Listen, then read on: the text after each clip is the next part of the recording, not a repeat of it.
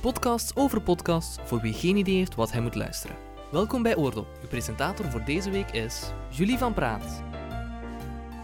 Welkom bij alweer een nieuwe aflevering van Oordop. We hebben vandaag voor jullie een geweldige podcastgast, maar we beginnen zoals altijd eerst met de podclash. Podclash!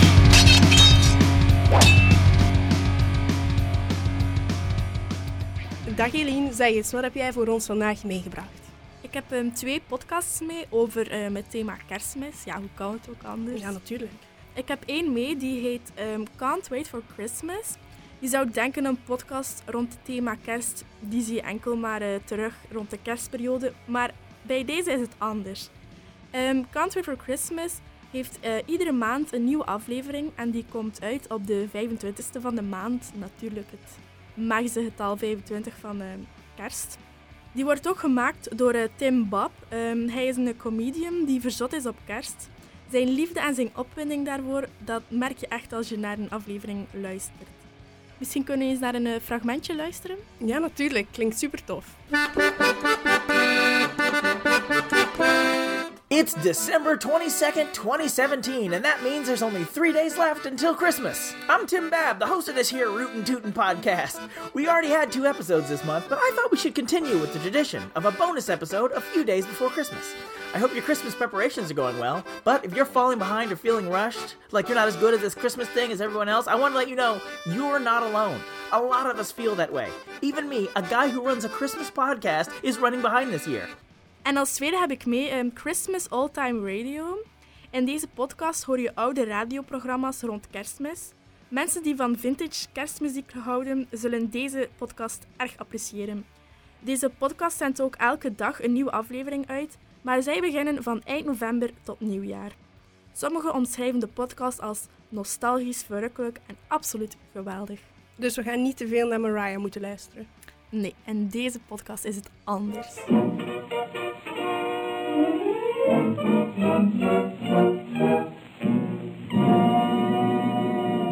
Hall of Fame, presented by Heinz Honey and Almond Cream.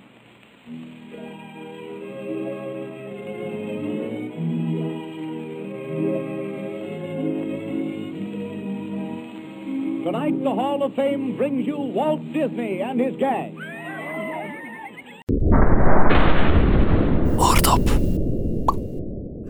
Wij hebben hier Eva de Grote van Oordeur te gast. Hallo Eva. Goeiedag. Um, zeg eens Eva, wat is Oordeur? Oordeur is een reeks audioportretten van mensen die wonen in dezelfde straat. Um, en ik heb die gemaakt met mijn man, die geluidskunstenaar is. En ik zelf ben schrijver. Maar ik moet zeggen, in het podcastgegeven uh, zijn we nog nieuw. Want dat hadden we nog nooit gedaan. Het is onze eerste podcast samen. Echt? En hoe ben je dan op dat idee gekomen? Goh, um, ik had in mijn eigen straat een aantal verhalen opgetekend, portretten van mensen, van buren die ik nog niet kende. Um, en een andere organisatie had die portretten gelezen en zij vroegen mij of ik dat ook in hun straat wou doen voor een bepaald project. Um, ze kwamen daarover vergaderen bij ons thuis en ze zeiden, ze zaten luid op te denken van eigenlijk willen we ook al jaren iets doen met geluid. En ja, mijn man en ik begonnen te lachen, want hij is geluidskunstenaar. En wij hebben nog nooit samen iets gemaakt, uh, behalve drie kinderen. Um, maar uh, ja, we zeiden natuurlijk direct van, oh, dat is grappig, want we willen graag eens een podcast maken. Uh, misschien is dat dan wel nu een heel goed kader. En zo is dat vanzelf gerold. En lukte dat goed, dat samenwerken met de echtgenoot? Wonderlijk goed, want in ons huishouden lukt dat niet altijd zo goed. Maar we stelden vast dat we het heel fijn vonden om dat samen te maken. Uh, nu ja, samen maken, we hebben het zo aangepakt. Ik ben eigenlijk gaan interviewen, ik heb dat opgenomen. En dan zijn we samen in zijn studio gedoken, naar het materiaal geluisterd en dan zijn we beginnen puzzelen welke elementen we graag wilden gebruiken. Dus zo hebben we het gedaan. Hij is natuurlijk geluidskunstenaar, dus hij heeft ook wel hele mooie intro's en uh, kleine uh, geluidscreaties gemaakt die in de podcast zitten verweven. En hoe verloopt dat proces dan? Klop je gewoon aan bij een huis? Ja, dat was wel spannend natuurlijk. Um, voor een stuk was dat een beetje het toeval, een rol geven.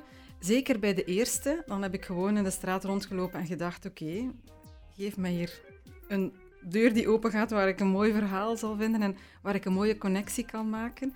En dat was dan ook zo. De eerste vrouw, um, die was heel warm en die wou heel graag haar verhaal delen. Die begon dan ook plots piano te spelen in haar woonruimte. Dus dat was zo mooi om iets mee te doen. Um, en van daaruit zijn we dan beginnen puzzelen. Want de opdracht was eigenlijk om vijf portretten te maken die een beeld geven van één bepaalde straat. Dus natuurlijk wilden we dan ook wel graag dat het een beetje representatief was. Ehm, dus dan zijn we dan daarna gaan zoeken ehm, naar een jong gezin, want we hadden dan een oudere dame, omdat we ook een paar kinderstemmen wilden. Ehm, we wilden ook, er wonen heel veel Turkse mensen in die straat, dus het zou ons raar geleken hebben om dan geen Turkse mensen te hebben. Dus daar heb ik een beetje op geheadhunt. Dat was wel het moeilijkste. Want veel mensen voelen zich niet zo vlot in het Nederlands. En gezien het allemaal audio was, was dat een beetje bedreigend. Maar uh, ja, dan is dat juist heel grappig geweest dat ik dan binnenviel bij een gezin waar ze zeiden van wacht, we gaan even uh, met mijn jongere broer opbellen, want die, kan er weg mee. Uh, en dat bleek dan eigenlijk, voor mij is dat het mooiste verhaal. Dit is mijn naam van de twee Turkse broers. Um, ja. Een heel mooi verhaal geworden. Ik ben opgevoed door mijn, een beetje door mijn broer, dat is mijn papa. Ik ken geen papa, hè. Mijn papa was hier overleden in 1977 door een verkeersongeval. Ongeval. Mijn ma was analfabeet in de Havenmaarstraat, die ons opgevoed. En mijn broer, mijn broer heeft mij opgevoed. Ja. Uh, altijd met hetzelfde verhaal. Aan mijn kinderen nog altijd. Hebben een toegevoegde waarde. Allee, je moet nog toegevoegde waarde hebben voor de maatschappij. En je moet proberen, gelijk welke mensen het ook is, hun gelukkig maken. Als jij iemand gelukkig kunt maken, dat is toch het mooiste wat er is. En op die manier moet jij, proberen wij ons leven verder te zetten. We kunnen zeggen, dat zijn moslim, dat zijn Turk. Er zijn veel vooroordelen hè, in Gent. Mensen zijn gesloten, oh het zijn die Turken, het zijn die Marokkanen. Ik bedoel, er zijn ook daar ook goede mensen bij. Hè. En dat, dat is zo'n beetje de frustraties die in de Turkse... Uh, alleen moet dat zeggen, ja. Het is moeilijk is moeilijk. Christian Gainasa, Ik ben hier geboren en getogen. Mijn, mijn beste vrienden zijn allemaal Belgen. Hè. Ik heb 3% Turkse vrienden, maar 97% zijn allemaal Belgen. Maar we zijn, waarom zijn we nog altijd niet aanvaard? Hè? En dat is de... In Turkije zijn we niet thuis, hier zijn we niet thuis. Hier betalen we belasting, gaan we gaan werken. Ik bedoel, we proberen een toegevoegde waarde te hebben voor iedereen en allemaal. En toch niet en toch niet op uh, cruciale momenten wordt er een streep eronder getrokken. Hè. Bijvoorbeeld op het werk, bijvoorbeeld, uh, mijn broer heeft dat ook meegemaakt, omdat hij taal niet zo bemachtigd was. Hij werkte daar misschien 30 jaar, hij komt een nieuwe productiemanager. Die noemde kan hem, uh, ik bedoel, mijn broer kost hem niet, kon hem niet uiten. Hè? Kost hem niet, hij zijn hem gewoon op straat gezet, lekker een vuilzak. Gewoon lekker vuilzak. En dan kreeg ik de telefoon, maar die kost hem niet verweren. En ja, dat was, dat was een ramp voor hem. Hè. Deed er vijf jaar niet goed van geweest. En uh, wat was er dan zo pakkend aan dat verhaal? Wel, wat we heel leuk vonden in elk geval, was om een beetje te spelen en mensen op het verkeerde been te zetten. Dus, uh, als die, dus die eerste broer, die man bij, wie ik eerst binnen was, die sprak inderdaad niet zo goed Nederlands. Maar als hij zijn jongere broer erbij haalde, viel het op dat hij zeer goed Nederlands spreekt. Um, dus dan was het wel grappig om dat verhaal net te beginnen met hem. Um, en dat je dus als luisteraar helemaal niet weet dat het een Turkse man is plots begint zijn oudere broer dan daar dingen uh, te zeggen. Um, en uh, hij reageert dan vaak in het Nederlands, zijn broer spreekt terug in het Turks. Ik vond dat gewoon qua geluid zo mooi om die dingen door elkaar te zien lopen. Plus, dan was ik een beetje een buitenstaander, waar hun verhaal er heel erg over ging natuurlijk, dat zij, die zijn hier opgegroeid, maar toch blijven zij buitenstaander. Um, dus dat, vond ik zeer mooi. En dan op het einde dan ging de jongere broer er al vandoor en dan probeerde de oudere man toch nog een en ander tegen mij te zeggen. Um, want eigenlijk waren we van plan om het helemaal anoniem te maken. Dus meestal hoor je de namen van de mensen niet, omdat we denken dat het op die manier ook meer universele kracht heeft. Maar hij begint plots uit te leggen wat zijn naam betekent uh, in gebroken Nederlands. En dat is zo mooi en zo ontroerend. Uh, dus dat is dan het slot van dat verhaal. En ik moet zeggen dat ik er nog altijd een beetje emotioneel van word elke keer als ik er naar luister. Ik vind het zeer mooi. Ja, het is ook een zeer mooie aflevering. Ik heb er ook naar geluisterd. Ontvangt iedereen je dan met open armen of heb je ook al een deur in gezicht gekregen? Nee, het is niet bij, um, het is niet bij iedereen gelukt. Er was ook een, een zwarte man um, die het gewoon niet zag zitten. Ik denk, um, ik kon er niet goed achter komen waarom niet. Uh, was het ongemakkelijk voor hem om met mij alleen te zijn in de ruimte? Ik weet het niet. Ik kon er mijn vinger niet op leggen, maar ik merkte dat het ongepast was om te blijven duwen. Um, wat ook vreemd was, langs de kant, we begonnen eraan, mijn man en ik, met het idee van hetgeen op ons pad komt, daar maken we iets mee. Ja. Dus uh, we gaan niet uh, als gehaaide journalisten op pad om sappige verhalen. Nee, we dachten het gaat ook over de uitwisseling en echt over het contact in de straat. Ehm, maar toch is het wel zo gegaan dat er één verhaal bij was dat we niet hebben gebruikt. Ehm, dat was van een jonge vrouw ehm, die toevallig zelf radiomaakster was. Ehm, en zij, ja, zij gaf zich niet. Zij was zich zo bewust van het medium, dus zij was duidelijk heel, heel hard de hele tijd aan het nadenken. Wat ga ik je zeggen? Wat gaan ze daarvan maken? En we hebben het er moeilijk mee gehad, want ik vond principieel dat we er ook iets moesten van brouwen. En we hebben het geprobeerd, we hebben het volledig afgemaakt, met Mhm. eh, geluidscreatie en alles. Maar dan de organisatie die ons gevraagd had, dan zijn we te raden gegaan. En we hadden twee afleveringen, de eerste en die tweede. En ze zeiden van ja, kijk, die tweede dat brengt niks teweeg. En dat was het gevoel dat we zelf ook hadden.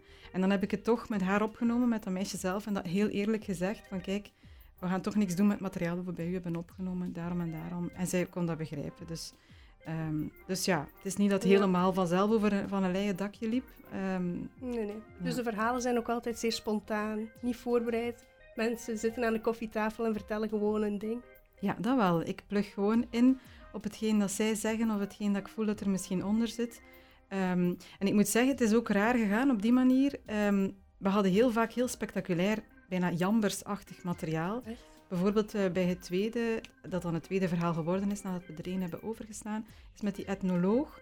Eh, een man op leeftijd die veel in Afrika heeft gewerkt. Ehm, en zijn vrouw is dus een Marokkaanse. En zij heeft ook aan ons verteld op de opname hoe ze als kind is uitgehuwelijkt, ehm, als kinderbruid en hoe haar dat getekend heeft en zo. Maar wij begonnen daarmee te puzzelen, mijn man en ik, en wij hadden het gevoel dat het dan helemaal zoiets sensatieachtig werd, waar wij niet op uit waren. Ja. Want sowieso wilden we dingen maken die heel respectvol waren naar de mensen toe, die iets teweeg brengen bij de luisteraar, maar waar dat de persoon zelf zich ook niet ongemakkelijk zou bij voelen. Ehm, en eh, daarom, ook al had zij ons dat toevertrouwd, hadden we zelf het gevoel dat sensationeel stuk van die uithuwelijking.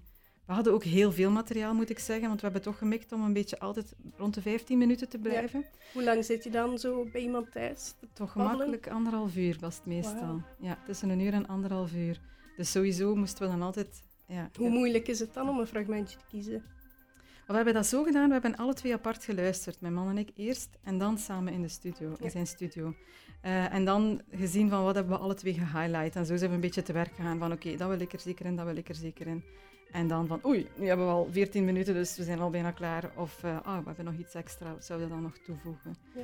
Ehm, en we hebben dan de voice-over gebruikt, eh, alleen maar om in het begin een beetje de setting te maken. Ja. Ehm, en natuurlijk om dan de dingen aan elkaar te kunnen plakken. Want ja, dat, ik heb ontzettend veel geleerd zelf, want ik ben schrijver en interviewer, Ja. maar ik had nog nooit met audio gewerkt. Dus ik heb zeer veel fouten gemaakt.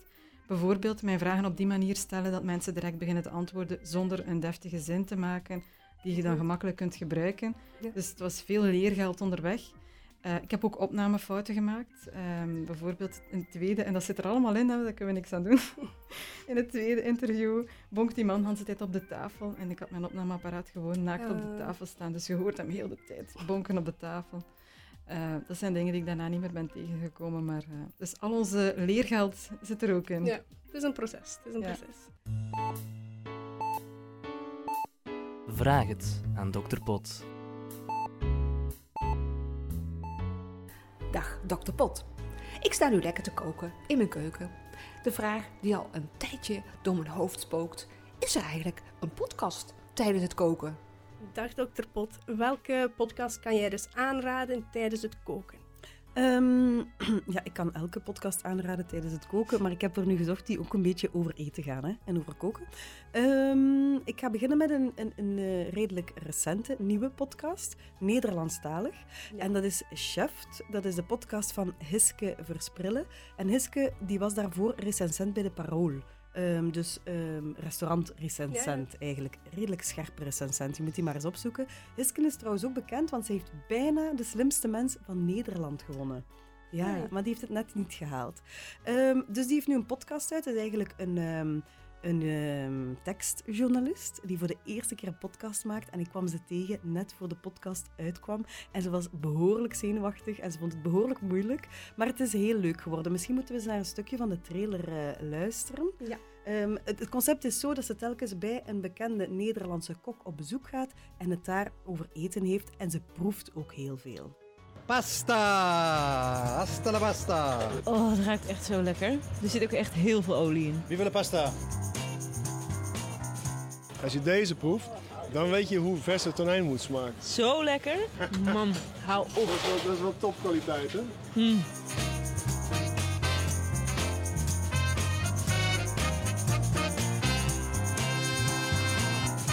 Welkom bij Cheft. Ik ben Hiske Versprillen. In deze super lekkere podcast ga ik uitgebreid in gesprek met de beste en meest invloedrijke Amsterdamse chef-koks. Oeh, dat is lekker. Ik kijk ze op de vingers, til deksels van pannen. Crap, dat is echt heel lekker. Trek koelkasten open en vraag ze het hemd van het lijf. Want hoe meer je weet, hoe meer je proeft. Voilà, je zou er honger van krijgen wel, hè? Ja, zeker. Misschien Voilà. de verkeerde zintuigen om met een podcast koken aan te leren.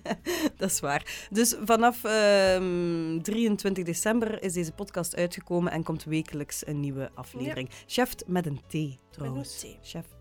En dan eh, heb ik nog een eh, Engelstalige mee. Er zijn, zoals gewoonlijk, weer heel veel Amerikaanse en Engelse podcasts over het thema, over koken deze keer. Maar eh, ik, ik heb een grappige meegebracht en dat is Spilled Milk podcast. Het zijn twee mensen, een man en een vrouw, die telkens een half uurtje praten over ehm, eten. Dus het zijn, het zijn geen recepten deze keer of zo, maar het gaat over eten. En de episode die ik heel grappig vond, was de gas station candy. En dat gaat natuurlijk over de, de snoep die er allemaal ligt in een benzinestation. Maar in het begin hebben ze het dan ook nog over wijn en zo. Misschien moeten we ook een klein stukje van het begin luisteren om eens te horen eh, hoe het gaat.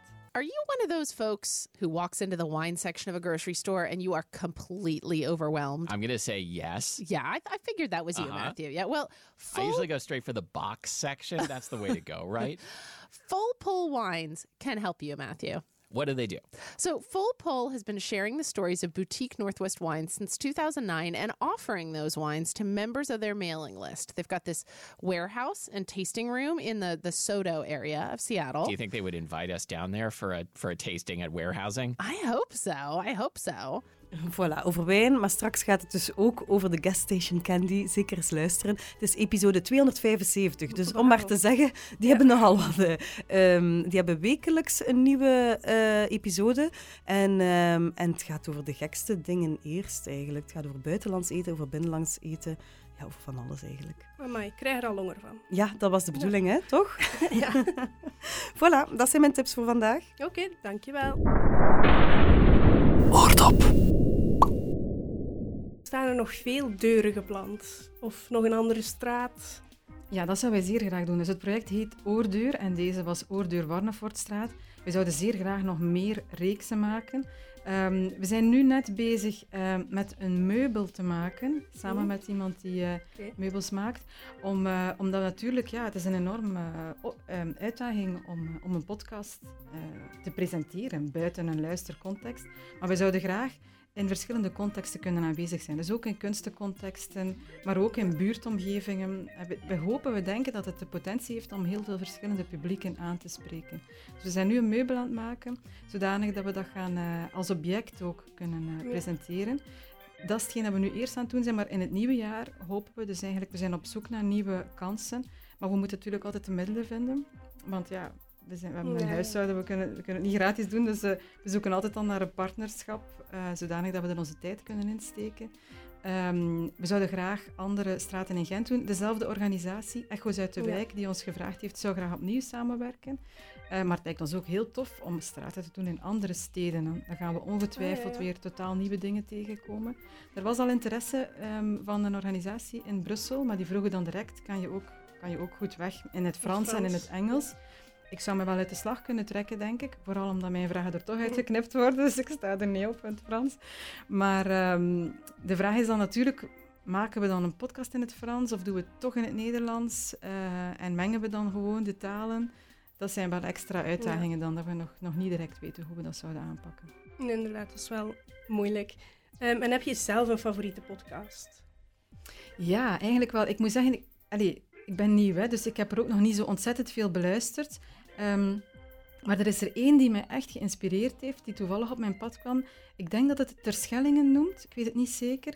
Maar dat is dus een reeks ehm, die gemaakt is op het Terschellingen-eiland. Ehm, en ja, dat heeft ons zeer geïnspireerd. Want misschien is ook een beetje de manier waarop we het aangepakt hebben, zelfs een beetje gelijkaardig. Namelijk met op die manier een intro zetten en dan eens daarna de mensen volledig zelf aan het woord laten. En alleen maar waar nodig een keer een voice-over erin steken. Ehm, dus die Terschellingen podcast, dat, het idee is heel simpel. Het zijn allemaal mensen die op een of andere manier iets met Terschellingen en dikwijls met de zee en het water te maken hebben. Het zijn heel menselijke verhalen. Ehm, het gaat bijvoorbeeld over, uh, over een, uh, een visser die is overboord gegaan is en dacht dat hij zou doodgaan en dan toch uh, gered is. Ja. En, um, maar ook zij zoeken niet de spectaculaire aspecten daarvan, maar de heel kleine persoonlijke. Dus um, hoe die man dan emotioneel wordt ja, over het feit dat hij aan zijn zoon moest uitleggen wat er gebeurd was, eerder dan over het spectaculaire van het verdrinken en het gered worden. Um, of in een ander verhaal ging het over een vrouw die aan haar man geraakt is, letterlijk door een, ooit een fles in het water te gooien die Echt? in Engeland is verzeild. en daar een jongeman die dat gevonden heeft en dan vijf jaar dat zo gerust Dat is gelaten. geweldig romantisch. Ja, ze- zeer mooie verhalen, maar tegelijk ook heel simpel en klein. Um, en uh, ja, ik denk dat mij dat wel heel erg geïnspireerd heeft. Terschelling. 30 kilometer strand om uit te waaien. 70 kilometer fietspad om spierpijn te kweken. En genoeg kroegen waar je kunt opwarmen met juttersbitter. Als je geluk hebt, dan hoor je hier de verhalen van de eilanders. Dit is Sterk Water. Een zesdelige podcastserie met spannende, waargebeurde en onverwachte verhalen van Terschelling. Ik ging met mijn zoon naar het strand en hier bij Formerum reden we duin over. En, eh, en dan komen we op het, bij het water en dan komt er schoen aan. En 50 meter verder lag weer een schoen. En nog 100 meter verder lag weer een schoen. Nou ja.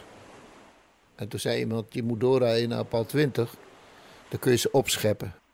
En het was inderdaad zo. Er lagen zo verschrikkelijk veel schoenen. In Sterk Water neem ik je mee naar Terschelling, het eiland waar ik ben opgegroeid. Een plek die wordt geïsoleerd door de zee.